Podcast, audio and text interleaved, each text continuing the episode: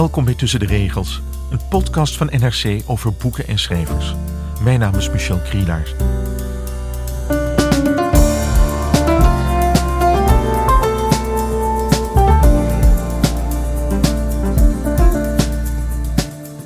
Deze zomer hebben we het uitgebreid over het werk van William Shakespeare. In eerdere afleveringen hadden we het over macht en tragedie. Maar vandaag gaan we het hebben over wat we van Shakespeare kunnen leren als het over de liefde gaat. Iedereen denkt dan natuurlijk meteen aan Romeo en Juliet, Romeo en Julia. Het zogenaamd mooiste liefdesverhaal uit de wereldliteratuur. U weet wel, de twee geliefden uit Verona die niet met elkaar mogen trouwen en uiteindelijk zelfmoord plegen om die reden, terwijl ze elkaar nog maar een paar dagen kennen. Maar is Romeo en Juliet wel de beste plek om iets over de liefde te leren? Of moeten we het ergens anders zoeken? Daarover ga ik in gesprek met mijn collega Eva Beek. En die schitterde op middelbare school zelf als Romeo's Juliet. En ze kende bovendien ook nog een keer Shakespeare's liefdessonetten uit haar hoofd. Welkom Eva.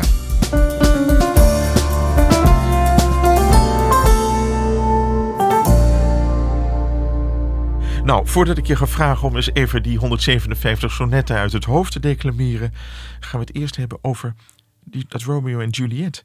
Moeten we eigenlijk wel naar dat stuk kijken als we iets over de liefde willen leren?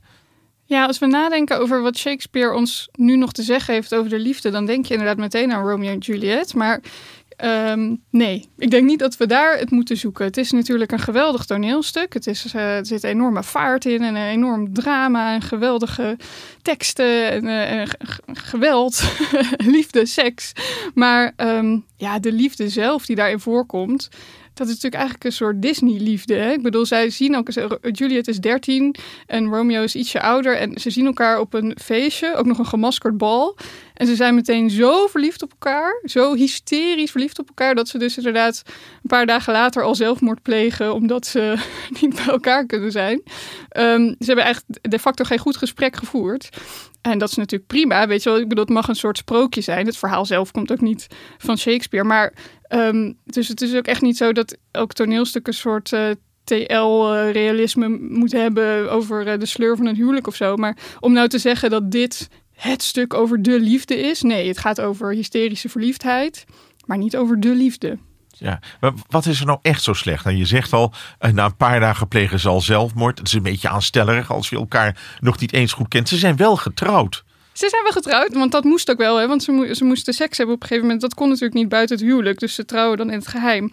Ja, kijk, ik ga niet zeggen dat het een slecht stuk is. Maar wat bijvoorbeeld ook een beetje een zwaktebod is... is dat de enige reden dat het misloopt... is dat er gewoon een bode te laat komt met een bericht. Uh, want anders had Romeo wel geweten dat, hij, dat, dat Juliet niet echt dood was... maar alleen nep dood. En dan had hij nog zelf een slaapmiddel in, hè? Ja, precies. Dus, en ik vind het altijd een beetje een zwaktebod... als, als een toneelstuk helemaal hangt... omdat iemand een beetje uh, vertraging heeft. Weet je wel, als dat het, het grote drama is. Maar goed, verder, uh, ja. En wat had er daarna moeten gebeuren als het goed was afgelopen?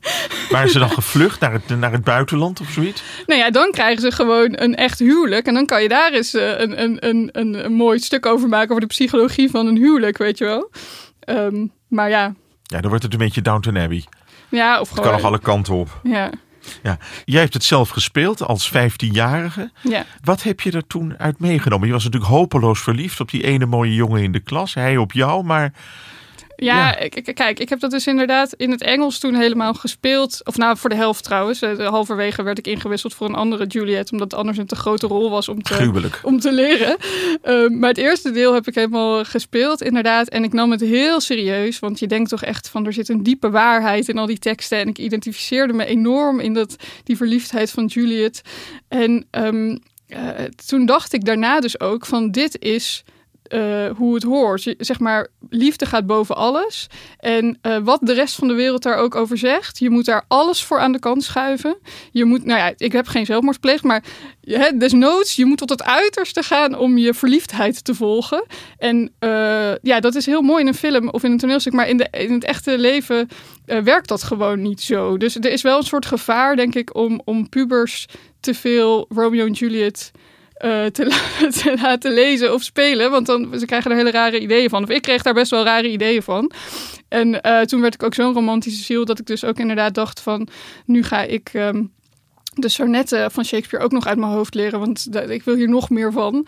En toen raakte ik wel uh, in, kwam ik in aanraking met ook weer andere kanten van hoe Shakespeare naar de liefde kijkt. En, en een wat breder palet dan alleen maar ja, van doe alles voor de liefde en de liefde gaat boven alles.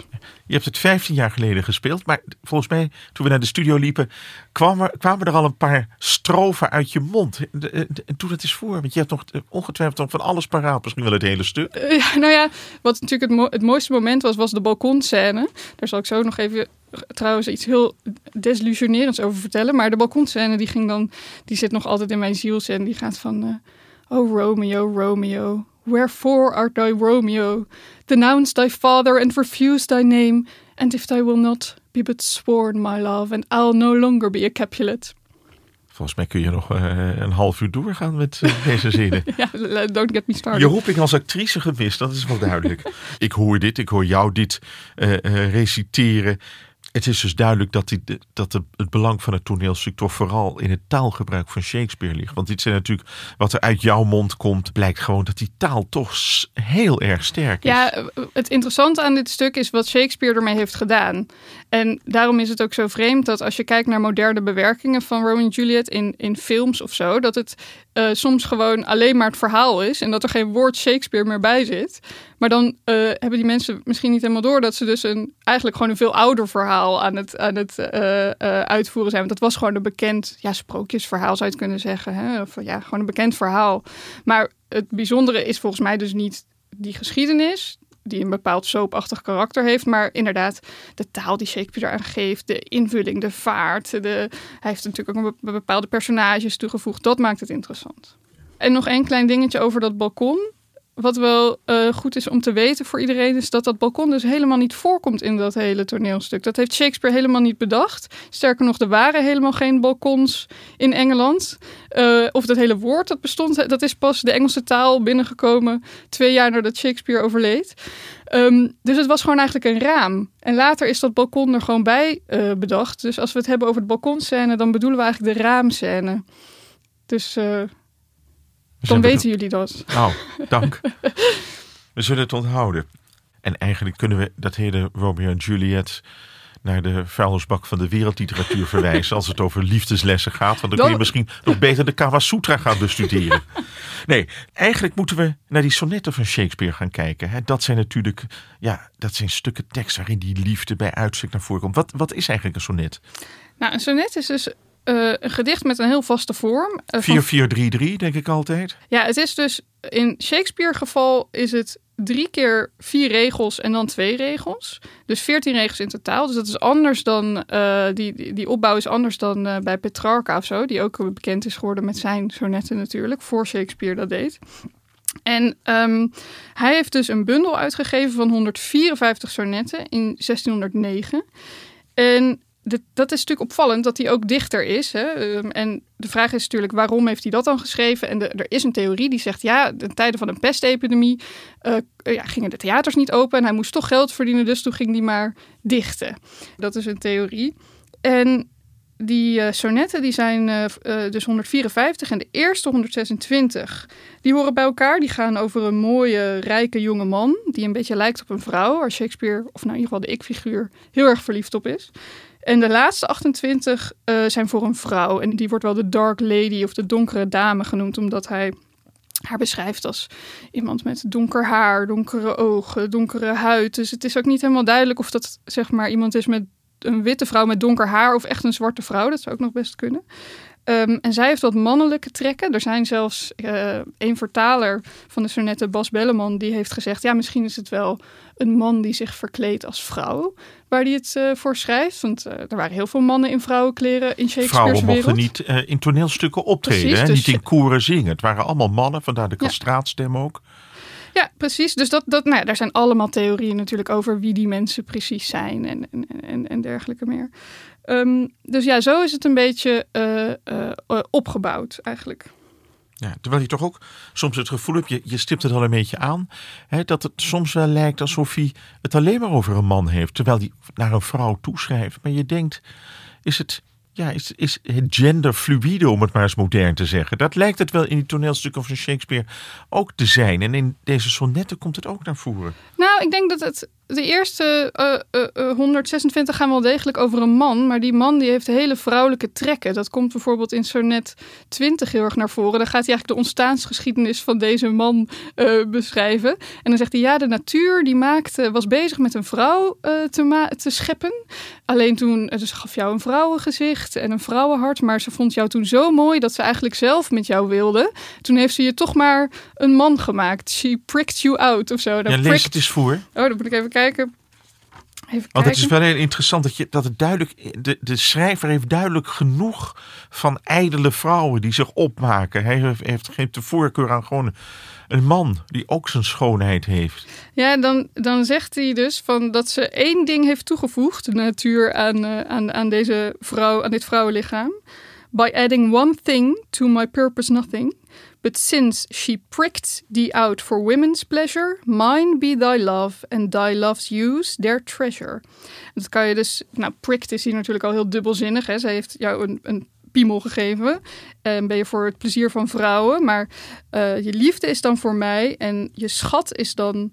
Uh, kunnen zij dan gebruiken. En je schat is dan kinderen natuurlijk. Want je kan natuurlijk wel nageslacht hebben. En dat is trouwens ook nog wel goed om te weten. De eerste 17 sonetten, die zeggen allemaal... mooie jonge man, ga kinderen krijgen. Daar komt het eigenlijk op neer. En de theorie is ook dat hij misschien was ingehuurd door een familie... om uh, die jonge man aan te sporen om kinderen te krijgen. En dat hij toen zo ja, verliefd werd op die jonge man, dat hij maar eens door blijven schrijven. En toen kwam dus een hele, uh, ja, enorm stormachtige liefdesgevoelens kwamen bij hem op. Alleen is het lastig natuurlijk om Shakespeare eh, heel erg te, te vereenzelvigen, ook met de ik-figuur. Daar moeten we ook een beetje mee oppassen. En er wordt ook wel vaak de vraag gesteld van, was hij dan homoseksueel? Of moeten we hem dan zien als biseksueel? En um, ik denk dat het het beste is om het niet echt in die termen te zien. Als je Shakespeare sonnetten leest, dan komt er gewoon een mindset uh, naar voren van... ik heb gewoon veel erotische verlangens en die zitten op een soort spectrum. Maar dat is helemaal niet... Um, ja, dat hoef je niet op die manier hetero of homoseksueel of biseksueel. Die, labels, die gaf hij er volgens mij helemaal niet aan. En er is één zo'n beroemd uh, Shakespeare-expert, die uh, Stephen Booth, die zei uh, op al die speculatie over Shakespeare's geaardheid van... William Shakespeare was almost certainly homosexual, bisexual or heterosexual. Dus ja, we, we weten het niet. En, en ik, ik denk niet dat Shakespeare zelf die vraag had gesteld. Al is het wel zo dat later natuurlijk heel erg mensen probeerden te verdoezelen dat het merendeel van die sonetten dus uh, liefde tussen en ook echt seksuele liefde tussen mannen beschrijft. Ja. Maar maakt maak dat aspect, dat werk van Shakespeare, nou ook zo actueel of zo modern of, of tijdloos zou je kunnen zeggen? Ja, dat maakt het uh, ja, tijdloos. Uh, zeker, nou, nu natuurlijk best wel actueel. Um, maar dat is ja, niet toch de reden waarom ik er zo door gegrepen ben. En waarom mensen denk ik al zo eeuwen door gegrepen zijn. Ik bedoel, het is heel leuk natuurlijk dat dat er ook in voorkomt. Maar wat ik er ook heel bijzonder aan vind, is dat het een extreem strakke vorm is waar hij in schrijft. Uh, het is duidelijk dat hij er heel erg aan geschaafd heeft. En woordgrapjes. En, en, en je kan ze echt heel lang uh, vaak lezen. En dan herken je er weer iets nieuws in. En dan, het is een beetje zoals uh, Bach-fuga of zo, weet je wel. Dat je kan het heel vaak luisteren. En dan kom je steeds weer bij een laag dat je denkt... oh, maar hij doet hier dit of hij doet hier dat. En dat is toch wel heel bijzonder dat hij de hele dus heftige emoties in zo'n strakke vorm weet te gieten. Um, en wat ik er heel bijzonder aan vind, echt elke keer weer, als ik het dan oppak. Het gaat heel vaak in die sonetten, behalve over de liefde, gaat het over de kracht van literatuur die de tijd doorstaat. Hij zegt eigenlijk de hele tijd van, ik word vergeten, maar jij, mijn geliefde, zal niet worden vergeten, want jij leeft voort in mijn poëzie. En mijn poëzie leeft voort en alles vergaat behalve mijn poëzie. En eeuwen later zullen mensen dat nog lezen. En als je dat dan aan het lezen bent, denk je, ja, inderdaad, ik ben dat aan het lezen. Weet je wel, het is echt alsof je Shakespeare even de hand schudt over de eeuwen heen. En die historische ervaring is echt, echt een waanzinnig, uh, ja, opwindend iets om mee te maken als je dat leest. Nou, jij hebt als middelbare scholier, had je een cd van Alan Rickman... Nou, het was niet alleen van Alan Rickman, maar inderdaad, ik, ik had een cd waarin allemaal Britse acteurs dus beroemde sonetten voorlazen. En die, die luisterde ik dan om een beetje te leren hoe ik die dan moest voordragen. Want dat is ook nog eens, ook, ook al begrijp je die sonetten helemaal niet, de muziek van die taal, Die is gewoon echt heerlijk om naar te luisteren. Dat is het ook gewoon. Dus, en inderdaad, die van Alan Rickman was een van mijn favorieten die hij voordroeg, 130. En dat is niet alleen een van mijn favorieten. Als je op Spotify kijkt naar die CD, is die veruit het meest beluisterd. En het heeft met Alan Rickman te maken, maar misschien ook wel met de inhoud. Maar daar kunnen we het zo over hebben. Eerst Alan Rickman. My mistress' eyes are nothing like the sun. Coral is far more red than her lips red. If snow be white, why then her breasts are dun. If hairs be wires, black wires grow on her head. I have seen roses damasked red and white, but no such roses see I in her cheeks. And in some perfumes is there more delight than in the breath that from my mistress reeks. I love to hear her speak, yet well I know that music hath a far more pleasing sound. I grant I never saw a goddess go.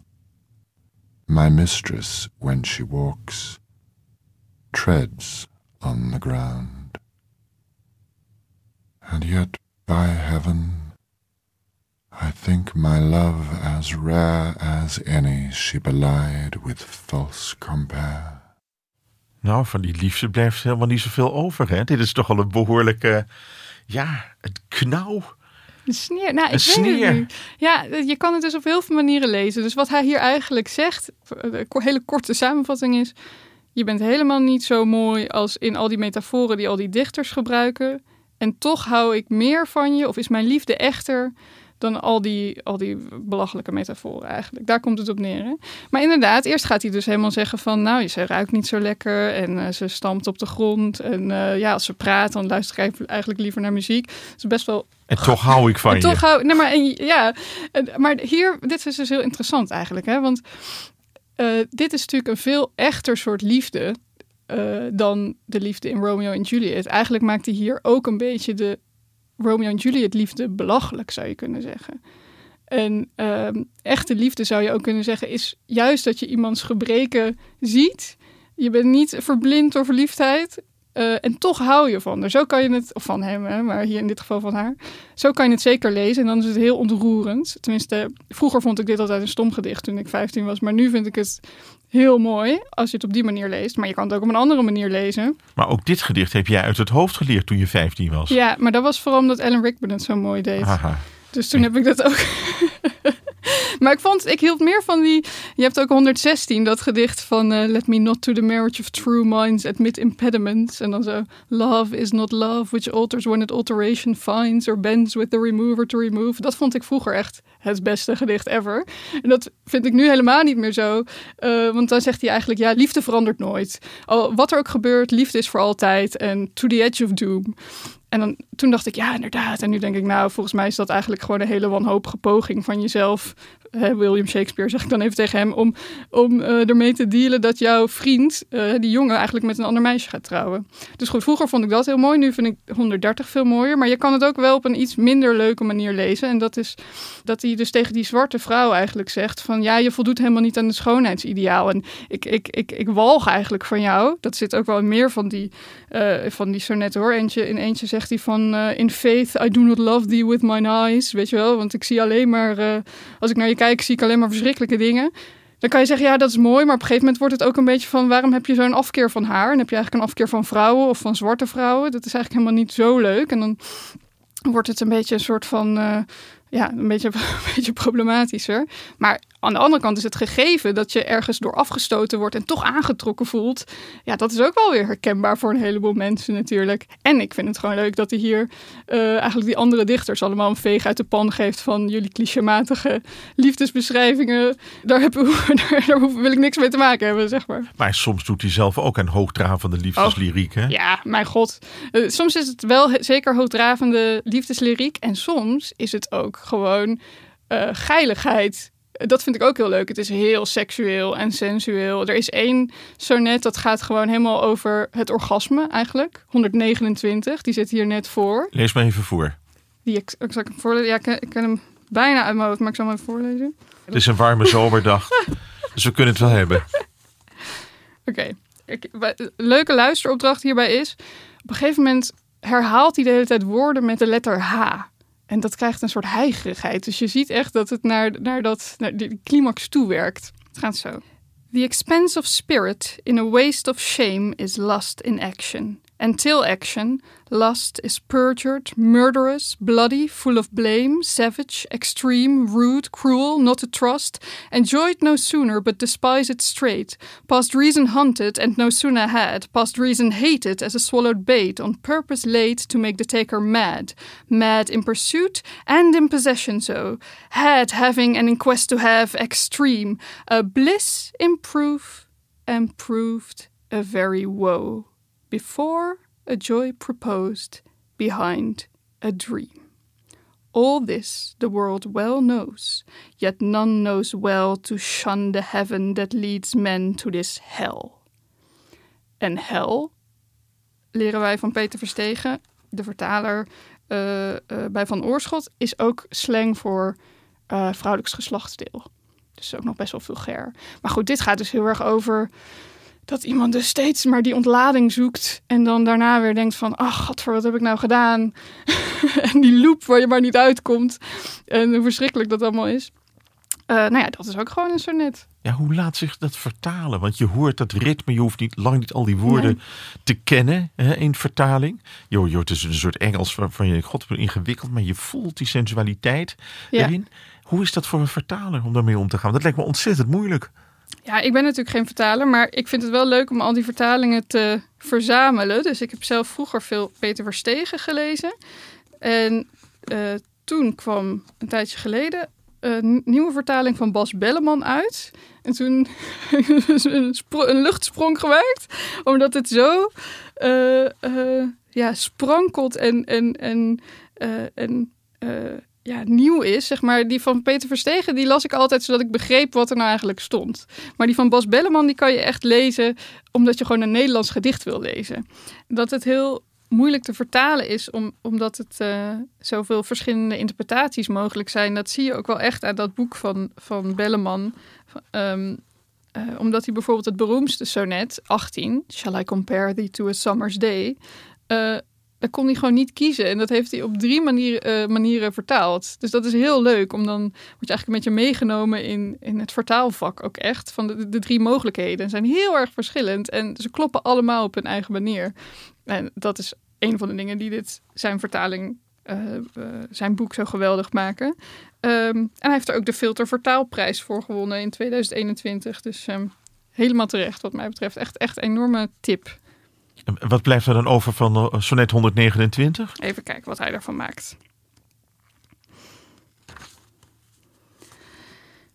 Een woeste schande, verspilling van vermogen is lust in de daad. En lust is tot de daad moorddadig, bloederig, vol van schuld, gelogen, barbaars, extreem, grof, onbetrouwbaar, kwaad, dan pas genoten op slag veracht in een waas en buitenzinnig gejaagd pas dan te bedrijven. En buitenzinnig gehaat als ingeslikt aas, met opzet gebruikt om de prooi tot waanzin te drijven. Waanzinnig te streven, waanzinnig bezeten te zijn, bezat, bezit en bijna bezeten, extreem. Zo heerlijk te proeven, beproefd in zuivere pijn. Vooraf een genoegen, achteraf een zweem. De harde wereld kent de bron zeer wel, maar hoe vermijdt men de hemel die leidt naar de hel? Knap. Ja, mooi hè? Ja, ik vind heel het goed heel gedaan. Mooi. Maar die, kijk, het is, ik lees ze nu voor en het is best wel lastig om ze in één keer dan te vatten. Dat snap ik ook wel. Um, dus het is vooral ook een uitnodiging aan mensen om het gewoon zelf te gaan lezen en te gaan bestuderen. Want ik bedoel, ja, uh, ik ga niet zelf Hamlet lezen of een toneelstuk lezen, maar die sonnetten die kan je gewoon wel echt zelf lezen. En dan kan je gewoon gaan zitten en dan denk je, nou, ik pak vandaag eens niet een sudoku, ik pak vandaag gewoon eens een sonnet van Shakespeare. Dan ga je eens puzzelen. En dan ga je eerst maar eens hardop voorlezen. Voor jezelf gewoon. En dan ga je uh, ja, eens kijken naar hoe, die, hoe het klinkt. En dan uh, ga je je verdiepen meer in de, in de, ja, de finesses en de ambiguïteiten die erin zitten.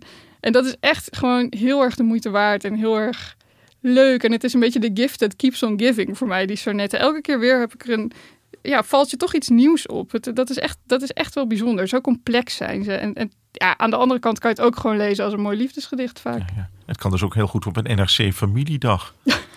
Ja, vooral die over dat orgasme. Dat kan echt heel goed. Nou ja, maar je, je kan die, ik kan me voorstellen dat er, dat er leesclubjes zijn. Hè, van klein, of dat je het in een vriendenclub doet. Dat je zo'n gedicht, dat je met zo'n één zo'n zo'n net een halve middag bezig bent. Ja, en doe er dan ook niet te hoogdravend over, is wel mijn uh, advies. Want dat deed Shakespeare ook niet. Weet je wel, die had echt ook veel vieze grapjes erin. En het gaat ook gewoon over lust en verlangen en jaloezie. En, en ook ja, emoties die niet allemaal even mooi zijn.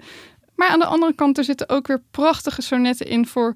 Bijvoorbeeld dan zegt hij van uh, sonnet 30 is dat... When to the sessions of sweet silent thought I summon up remembrance of things past. En dan gaat hij het hebben over... Als hij aan het verleden denkt dat hij zo verdrietig is. En heel treurig sonnet. En dan zegt hij aan het eind... But if the while I think on thee, dear friend... All losses are restored and sorrows end. En dat is gewoon een heel lief, mooi gedichtje. Ja, en het rolt zomaar uit je herinnering, zie ik. Nou ja, dat, maar dat komt niet door mij. Dat komt gewoon dat die, die taal die klinkt zo lekker. Het, het is en blijft soort... hangen in je geheugen, duidelijk. Nou ja, het heeft gewoon een lekker ritme. Hè? En het is gewoon, uh, ja, je kan gewoon, uh, ja, als je wil, kan je dat leren. Is, is dit nu, kijk, we hebben het opnieuw over die talen. Die zit ook in die toneelstukken, maar ook over al die menselijke emoties. Inderdaad, van, uh, van nobele gedachten en verlangens naar platte lust, geilheid, moordzucht, afgunst, jaloezie, noem het allemaal maar op. Zit dat hier net zo sterk in als in die toneelstukken waar we het de laatste week over hebben gehad? Zeker, ja. Zeker omdat het als geheel moet je het zien, denk ik, die 154. Als je dat geheel neemt, dan zit dat er allemaal in. En uh, je ziet ook echt, dat vindt tenminste dat idee heb ik, het plezier dat Shakespeare erin heeft gehad om, uh, om binnen die strakke vorm die zo'n zo net toch is, hè, dat is uh, veel meer dan zo'n toneelstuk, dan kan je natuurlijk veel meer uitweiden wat je wil. Maar hij heeft zich echt hier beperkt tot deze vorm. Ja, hoeveel die er dan in weet te stoppen, dat is echt heel erg, heel erg bijzonder. En wat ik er extra bijzonder nog aan, vind, is dat eigenlijk als ik nadenk over wat liefde nou is voor, Shakespeare, als ik daar één ding over zou moeten zeggen na het lezen van al die sonetten, dan zou ik zeggen, het is iets wat altijd buiten de kaders treedt. De kaders van tijd, van de goede smaak, van wat je zelf misschien wil, van wat kan. Uh, uh, het is, het is, zo'n grote kracht. Is het buiten alle, gaat alle perken te buiten. En dat hij dat binnen zo'n super strak kader weet te vangen, dat is heel erg leuk. Besef je daardoor hoe moeilijk liefde is? Nee, daar heb ik Shakespeare niet voor nodig. dat, dat heb ik op mijn vijftiende al geleerd. maar het is wel leuk dat hij het ook niet makkelijk vond. Dan voel je je toch minder alleen. en dat is toch ook wat literatuur doet. Nou, heel mooi. Dankjewel, Eva.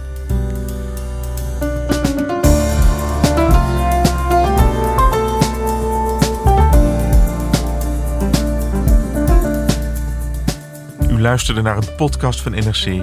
Deze aflevering is gemaakt door Ignaas Schoot. De editor is Jeroen Jaspers. En volgende week praat ik in de vijfde aflevering van deze reeks over William Shakespeare met regisseur Nina Spijkers over het opvoeren en regisseren van zijn toneelstukken in onze eigen tijd en wereld.